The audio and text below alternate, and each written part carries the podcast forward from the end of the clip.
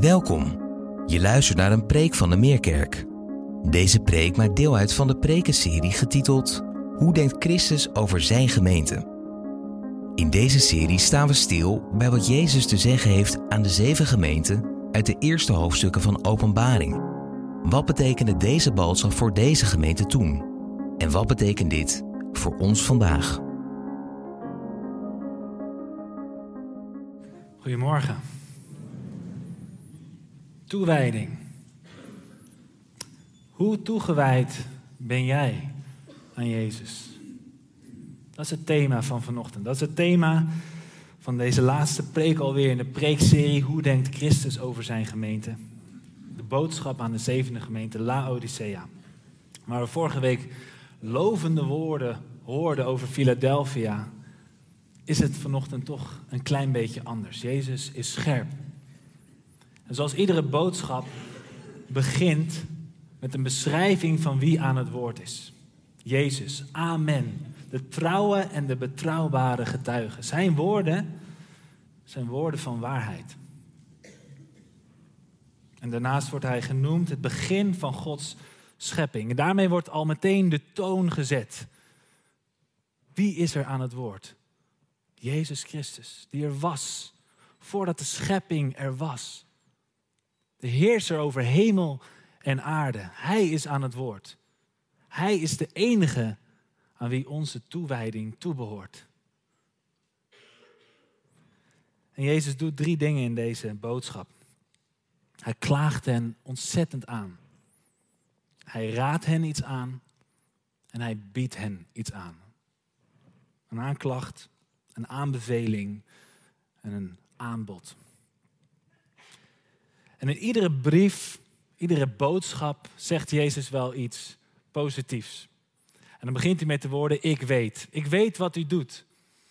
Ik weet hoe u trouw bent gebleven. Ik weet het lijden wat u heeft moeten doorstaan omwille van mij. Ik weet hoe, hoe u lief hebt. En ik kan me zo voorstellen dat deze gemeente Laodicea, deze brief, al deze boodschappen uh, hoorden achter elkaar. En dat ze dan dachten: oké, nu zijn wij aan de beurt. Ik ben benieuwd wat voor positiefs Jezus over ons te zeggen heeft. Ik weet hoe goed jullie bezig zijn. Ik weet hoe goed jullie het voor elkaar hebben. Hoe groot jullie geloof is. Dus na al die opgebouwde spanning luisteren naar de woorden die voor hen bestemd zijn. Ik weet wat u doet. Hoe u niet koud bent en niet warm. Was u maar koud of warm. Maar nu u lauw bent en in plaats van warm of koud zal ik u uitspuwen. Letterlijk is het woord voor uitspuwen uitkotsen. Ongelooflijk harde woorden. Niet wat ze misschien verwacht hadden om te horen. Als het gaat om toewijding, dan is deze gemeente in Laodicea misschien wel een voorbeeld hoe het niet moet. Ze waren lauw. Zo kan je het misschien ook wel onthouden. Laodicea, dat is de gemeente die lauw is. Want lauw water is natuurlijk helemaal niet lekker. Ik weet niet of je die ervaring kent. Dat iemand vraagt of wil je wat thee? Ja, ik wil thee. En dan krijg je thee en dan neem je de eerste slok en ach, veel te heet. En dan zet je hem even neer en dan vergeet je dat je thee hebt. Ken je dat? Nou, ik heb dat heel vaak. En dan wacht je een kwartier lang en dan denk je, oh, ik had nog thee. En dan neem je een slokje en dan is het lauw. Weet je, uh, dan denk je, nou, laat maar. En dan laat je hem staan. En wat betekent dat? Dat zij lauw zijn. Nou, de traditionele opvatting van dit vers, en dat heb je misschien wel eens gehoord, dat lauwe christenen een soort halfhartig geloof hebben. Ze zijn lauw, een beetje gemakzuchtig. Ze gaan er niet helemaal voor. En dat klopt ook wel. Als we iets verder lezen in vers 19, dan zegt Jezus ook: Zet u dus volledig in. Jullie zijn lauw, maar jullie moeten jullie volledig inzetten. Andere vertalingen spreken over wees dan ijverig. Wees ijverig voor de Heer. Ga er vol voor. Zet je in. Maar hij zegt niet alleen, was je maar warm, stond je maar in vuur en vlam voor mij. Hij zegt, was u maar warm of koud. En dat vind ik altijd een beetje vreemd. Dat is waar het lastig wordt. Want betekent dat dan dat Jezus liever heeft dat je koud bent Oftewel dat het geloof je koud laat. Dat je anti misschien wel bent. Dat je een atheïst bent. Dat jij hem uitspuugt. Dat hij dat liever heeft dan dat je lauw bent. Dat je een beetje halfhartig, twijfelend achter Jezus aangaat.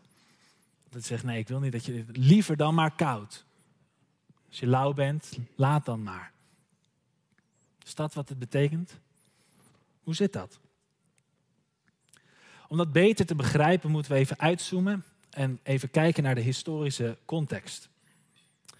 Want Laodicea, dat was een plaats en die lag in een vallei. In de Lycus-vallei. Vlakbij twee andere steden, Hierapolis en Colosse. We zien het hier zo op de afbeelding dat ze dicht bij elkaar lagen. Daar rechts onderin Colosse, Hierapolis en daar Laodicea. En La, uh, Hierapolis stond bekend om hun heet waterbronnen. Dat is warm water wat opkomt uit de aarde. En we zien hier een afbeelding van. Je kan het vandaag de dag nog steeds bezoeken. En uh, het is eigenlijk, was eigenlijk een soort saunacentrum, zou je het mee kunnen vergelijken. Dat je daar naartoe gaat om in een warm bad te gaan. Het werd ook gebruikt voor medische doeleinden. Daar stond Hierapolis onbekend. En Colosse daarentegen stond niet bekend om warm water, nee om koud water. Verfrissende waterstromen die afkomstig waren uit de berg, het gebergte wat naast die stad was. En de hoogste berg die je daar ook zit is de berg Cadmus. En dan denk je misschien, waar is Colosse? Nou, Colosse is nog niet opgegraven. Dus die ligt hier zo onder een grote hoop met gras en grond. Daar willen ze nog steeds toestemming voor vragen. Maar dit is de locatie van Colosse die bekend stond om frisse waterstromen uit de berg. En dan Laodicea. Laodicea had een waterprobleem. Ze waren niet dichtbij een natuurlijke waterbron. Ze moesten het van verderop halen. Aantal kilometer verderop was een warmwaterbron.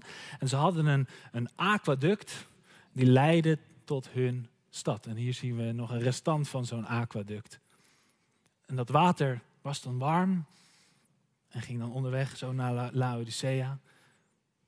En het zal ongetwijfeld volgezeten hebben met allerlei mineralen. Dus het was ook niet lekker. Maar op het moment dat het aankwam daar in Laodicea, was het water ook nog eens lauw. Het was drinkbaar, maar het was verreweg niet lekker. Niet smakelijk. En dit is het beeld wat ongetwijfeld bij de eerste hoorders naar boven moest komen. Van, ah, niet warm, koud, maar lauw. Ja, dat is ons water. Niet te drinken. Ik snap dat je dat uit wil spugen. Lauw water is dus als het ware een beeld van onbruikbaarheid. Het is waardeloos. Het is nutteloos. Je hebt er niks aan. Je spuugt het uit. En dat is wat Jezus zegt over deze gemeente. Jullie zijn waardeloos. Ik heb niks aan jullie. Ik spuug jullie uit. Lauw zijn betekent dat je dan precies in het midden blijft. Je bent niet warm, je bent niet koud. Wat ben je nou? Je bent ongedefinieerd. Je ontbreekt karakter, zou je kunnen zeggen. Waarom? Omdat je de extremen vermijdt. En in dit voorbeeld is zowel warm water als koud water iets positiefs. Koud water gebruik je om te drinken, warm water, daar kan je lekker in een bad gaan. Maar lauw water, daar heb je niks aan. Was je maar warm of koud, maar jij bent lauw. En ik weet niet waar jij aan moet denken als je moet denken aan iemand die in vuur en vlam staat voor Jezus. Die helemaal voor hem gaat, die helemaal toegewijd is. Want dat is waar het ontbrak bij hun. Nou, ik weet niet hoe het juist zit, maar ik kan er soms onzeker van worden. Wauw, die, die gaat er helemaal voor. Die durft op de hoek van de straat te staan, op een zeepkistje, om mensen te proberen te bekeren. Komt uit voor zijn geloof, gaat er helemaal voor, blijft zijn, houdt zijn mond er maar niet over. En als je misschien wel heel eerlijk bent, denk je soms ook, ja, ik vind die persoon soms ook een beetje opdringerig. Een beetje too much. Dat je denkt, hmm, doe maar even even minder. We, willen dat, we hebben de neiging om dat een beetje te temperen. Doe maar even rustig aan. Doe maar normaal, dan doe je al gek genoeg. Een beetje die gedachtegang. En dan zou je kunnen denken, hun probleem is dat ze te ijverig zijn. Ze willen te veel. Ze willen te hard rennen. Ze zijn te toegewijd. Even rustig. Maar eigenlijk is hun probleem niet dat ze te toegewijd zijn. Nee, ze zijn niet toegewijd genoeg. Ze zijn niet toegewijd genoeg.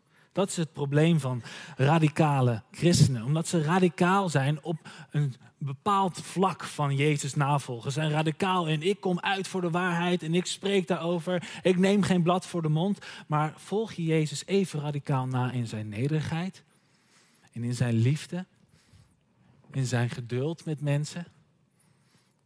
Dat is wat toewijding betekent. Niet uitschieten in één uiterste, maar gaan voor alle uitersten. Soms ben je als koud, verfrissend water. En verkwik je mensen door gewoon te zeggen waar het op staat. En op een ander moment ben je als warm water. Waarin je als een warm bad voor bent voor iemand. Liefdevol, geduldig en invoelend. Dat is wat het betekent om toegewijd te zijn. Niet lauw zijn, dat je denkt van nou, laat maar dus ook dus niet geïntimideerd raken door die persoon die er helemaal voor voor gaat. Nee, want die kan soms doorschieten in één uiterste. Nee, we worden opgeroepen om er vol voor te gaan.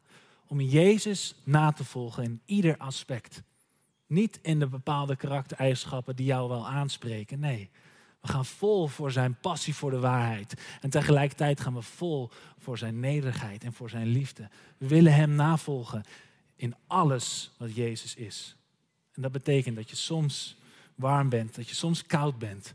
Maar nee, dat je nooit, nooit lauw bent. Dat is de aanklacht van Jezus.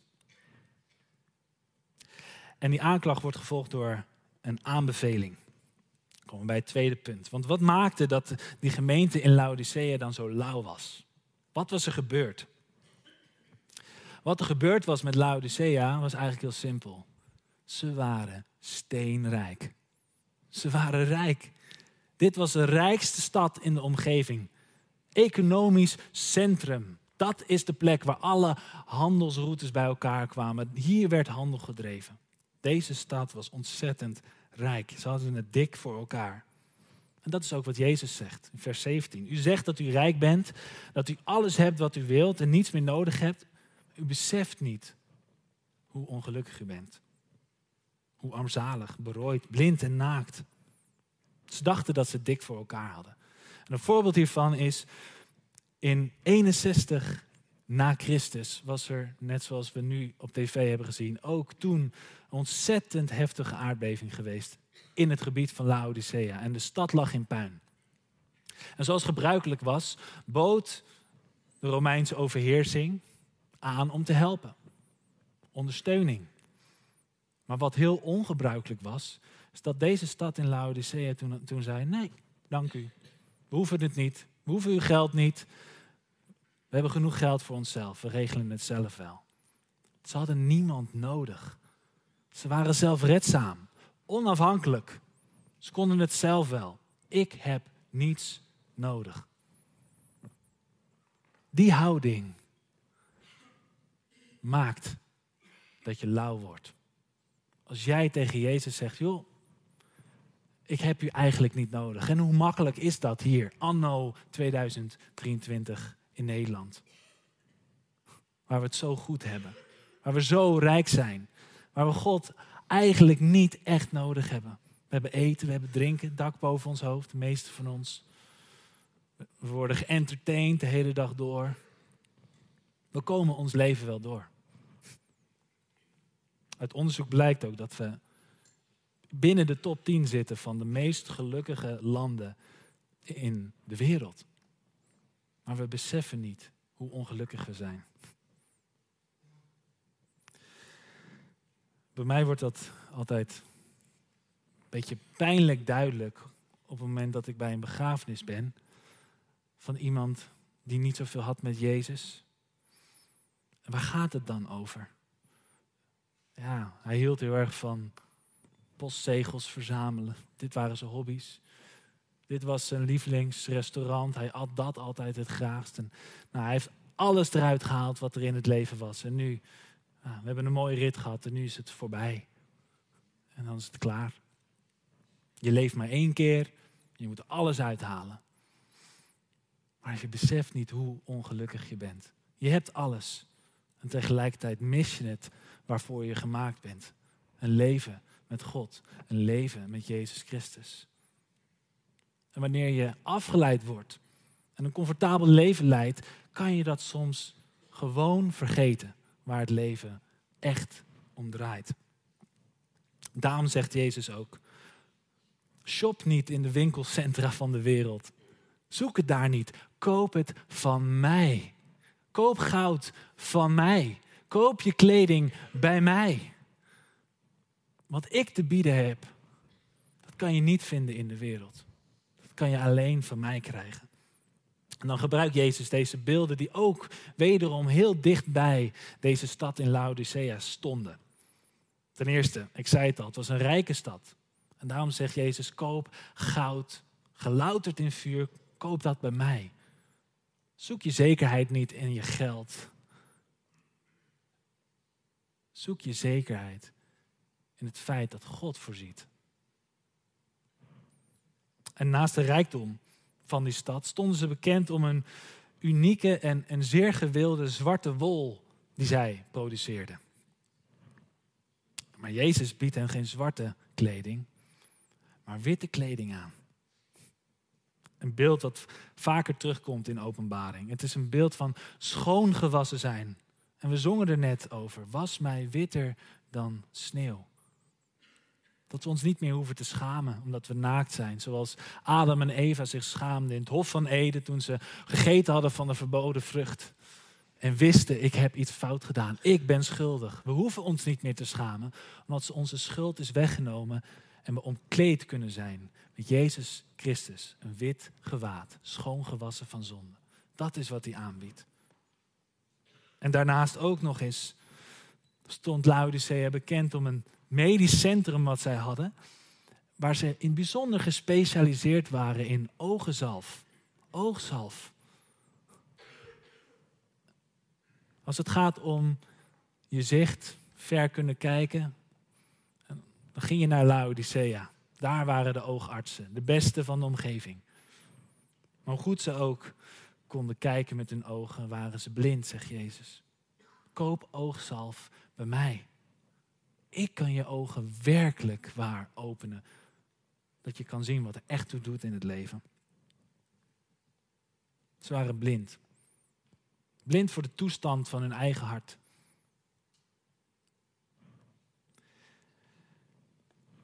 Ze dachten dat ze goed bezig waren.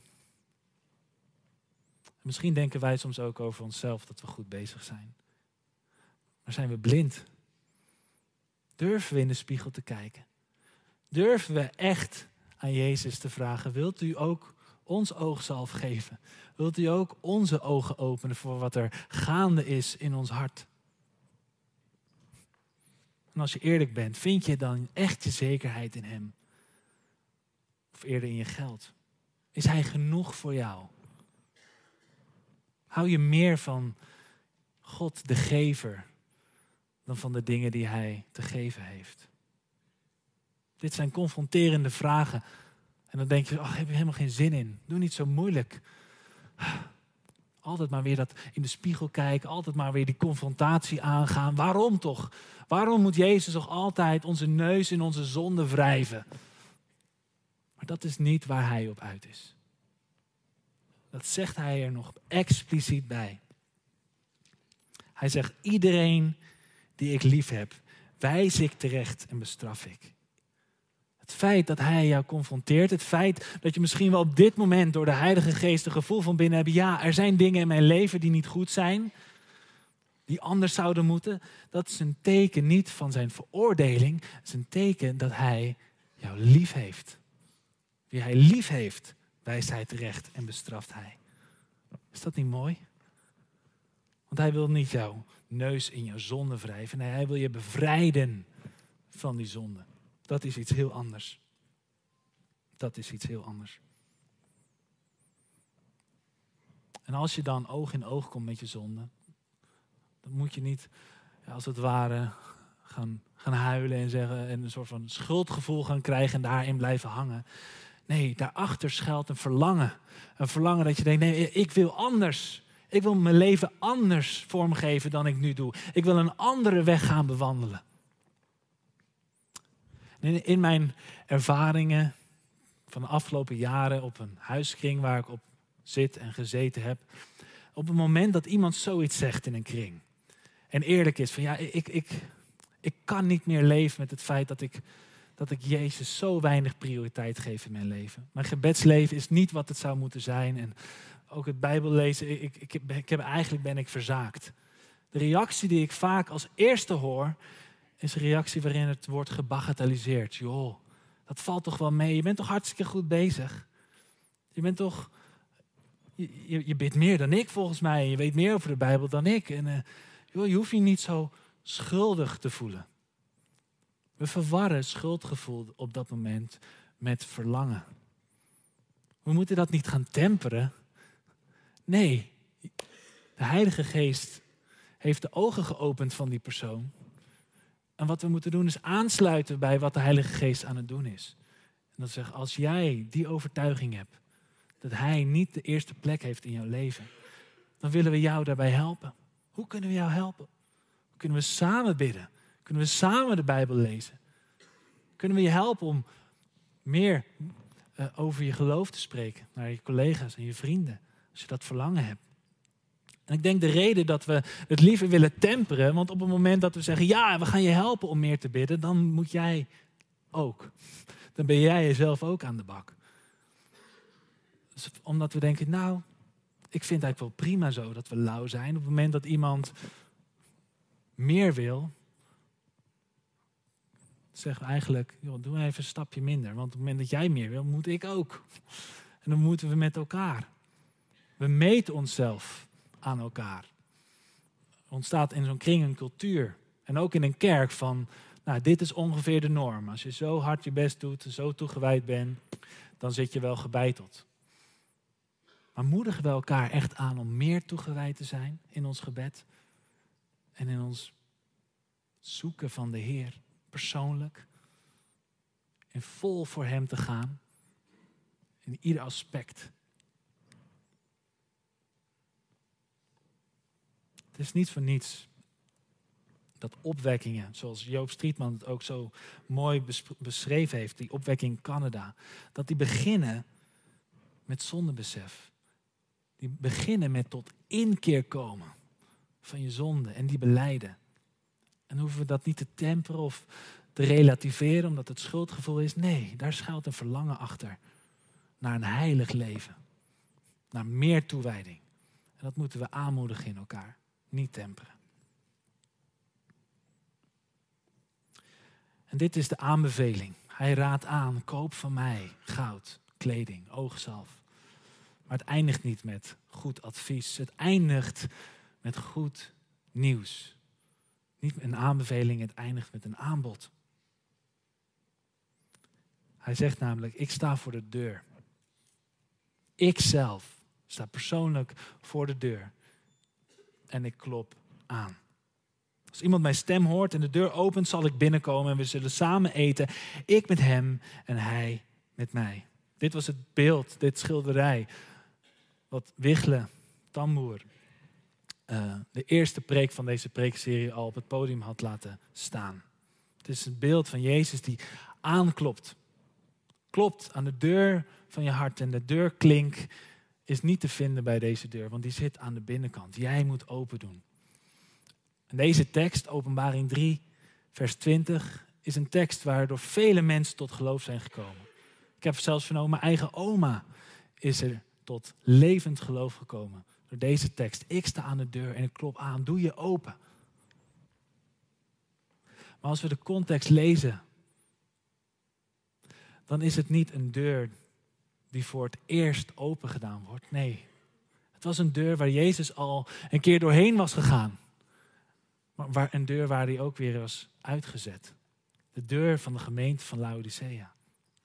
Hij was verwelkomd, maar als zijn gaandeweg zijn ze Jezus gaan vergeten.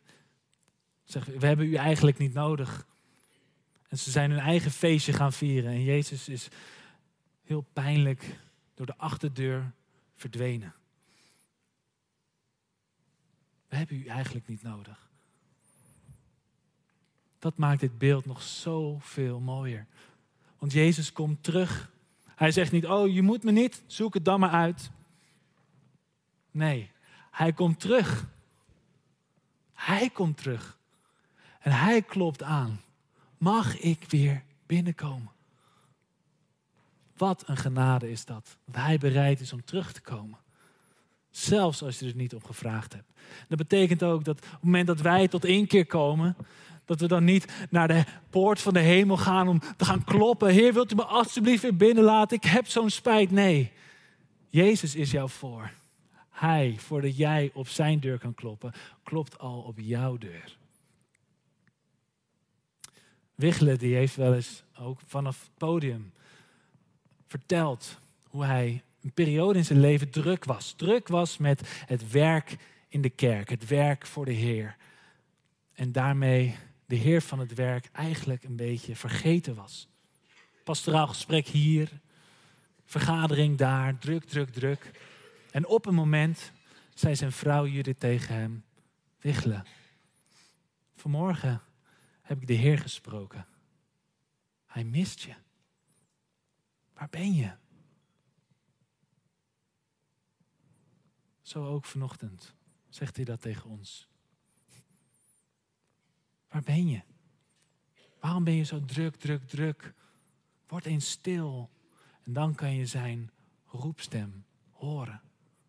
Dan hoor je hoe hij op de deur van je hart klopt. Mag ik weer binnenkomen? Mag ik weer binnenkomen? En dat moment mag je de deur openen. En dan zegt hij, ik wil de maaltijd met jou vieren. Ik wil met je eten. Ik met jou en jij met mij. Want wat het bijzondere is, is dat waar hij aanklopt, als het ware om als een gast binnen te komen, verandert zijn rol van gast tot gastheer. Hij nodigt jou uit tot een maaltijd. En de maaltijd die hij aanbiedt, is niet een van die dingen waarvan hij zegt: Ik raad aan om dit voor mij te kopen. Het is niet in die opsomming. Ik raad aan om goud voor mij te kopen, van witte kleding voor mij te kopen, ogenzalf. Ik raad aan om, om deze maaltijd voor mij te komen. Nee, hij biedt niet iets aan. Hij biedt zichzelf aan. Jezus Christus is de maaltijd. Hij is de maaltijd. Als Hij jou uitnodigt om met Hem te eten, dan geeft Hij niet iets, Hij geeft zichzelf. Hij biedt zichzelf aan aan jou.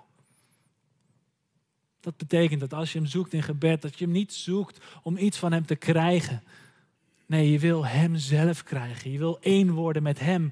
En daar is het beeld van het avondmaal, wat we volgende week ook zullen vieren met elkaar. Zo'n mooi beeld van. Intimiteit met Jezus. Eén worden met Jezus. Gemeenschap met Jezus. Dat is waar Hij jou voor uitnodigt. Hij, hij is de maaltijd. En in vers 21 lezen we dan ook dat je kunt overwinnen, net zoals Jezus overwonnen heeft. Dat is wat we gedenken met het heilige avondmaal. Hoe Jezus overwonnen heeft. Niet door spierballen. Nee.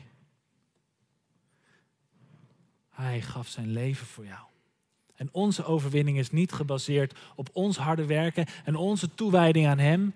Onze overwinning, wij kunnen overwinnen omdat Hij overwonnen heeft is gebaseerd op zijn harde werk en zijn toewijding aan jou. Jij kan rijk worden omdat hij arm is geworden. Jij kan gekleed worden met een wit kleed omdat hij naakt gestript werd. Oké? Jij kan weer zien terwijl je eerst blind was. Omdat hij werd geblinddoekt. En spottend zeiden ze tegen hem, sloegen ze hem in zijn gezicht en profeteer dan, wie heeft jou geslagen? Hij werd geblinddoekt, zodat wij weer kunnen zien. Hij is de dood gestorven die wij hadden moeten sterven, zodat wij eeuwig kunnen leven met Hem. Kom aan de maaltijd. Hij nodigt je uit. Hij klaagt je aan als je lauw bent, vanuit liefde. Hij raadt je aan om niet te shoppen in de wereld, maar te zoeken bij Hem. En Hij biedt aan om binnen te komen. Ik heb de Heer gesproken vanochtend. Hij mist je.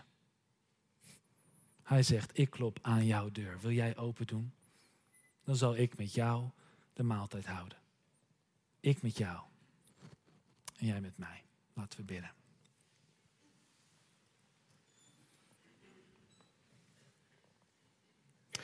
Heer, we willen een moment stil worden. Stil als we soms zo druk kunnen zijn. Zelfs druk met het werk van de Heer. Dat we de Heer van het werk vergeten. U mist ons. Waar zijn we gebleven de laatste tijd? Heer, ik bid het ook voor mezelf, dat u me vergeeft, Heer, als ik te hard ren. En u uit het oog kan verliezen.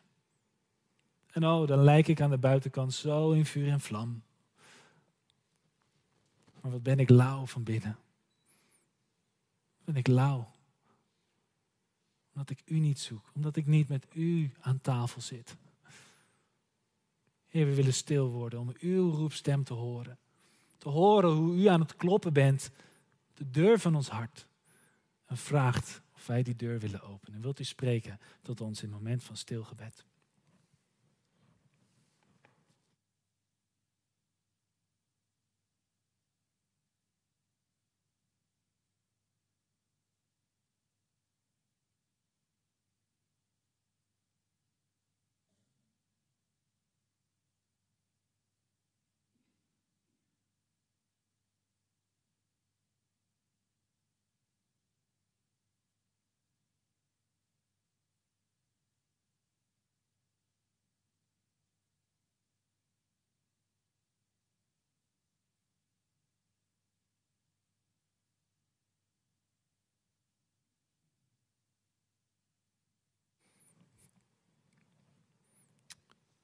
O Heer, dank. Dank dat u ons uitnodigt voor de maaltijd. Dank dat u niet een maaltijd aanbiedt. U bent de maaltijd. U biedt zichzelf aan, aan ons. Heer, help ons, Heer, waar we lauw zijn. Waar we u misschien wel de deur hebben gewezen. Waar we u buiten de deur hebben gezet. Vergeef ons daarvoor. Open onze ogen daarvoor. Help ons om tot inkeer te komen. En help ons, Heer, om die deur te openen. Niet uit eigen kracht, niet uit onze eigen toewijding, maar omdat we oog in oog staan met uw toewijding aan ons. Dan kan het niet anders dat ons hart smelt. En dat we toegewijd willen zijn aan u, niet uit plichtsbesef, maar omdat we zo van u zijn gaan houden. Dat we niets liever willen dan ons leven volledig toe te wijden aan u. Neem mijn leven, Heer. Laat het toegewijd zijn aan uw eer alleen bid ik in Jezus' naam. Amen.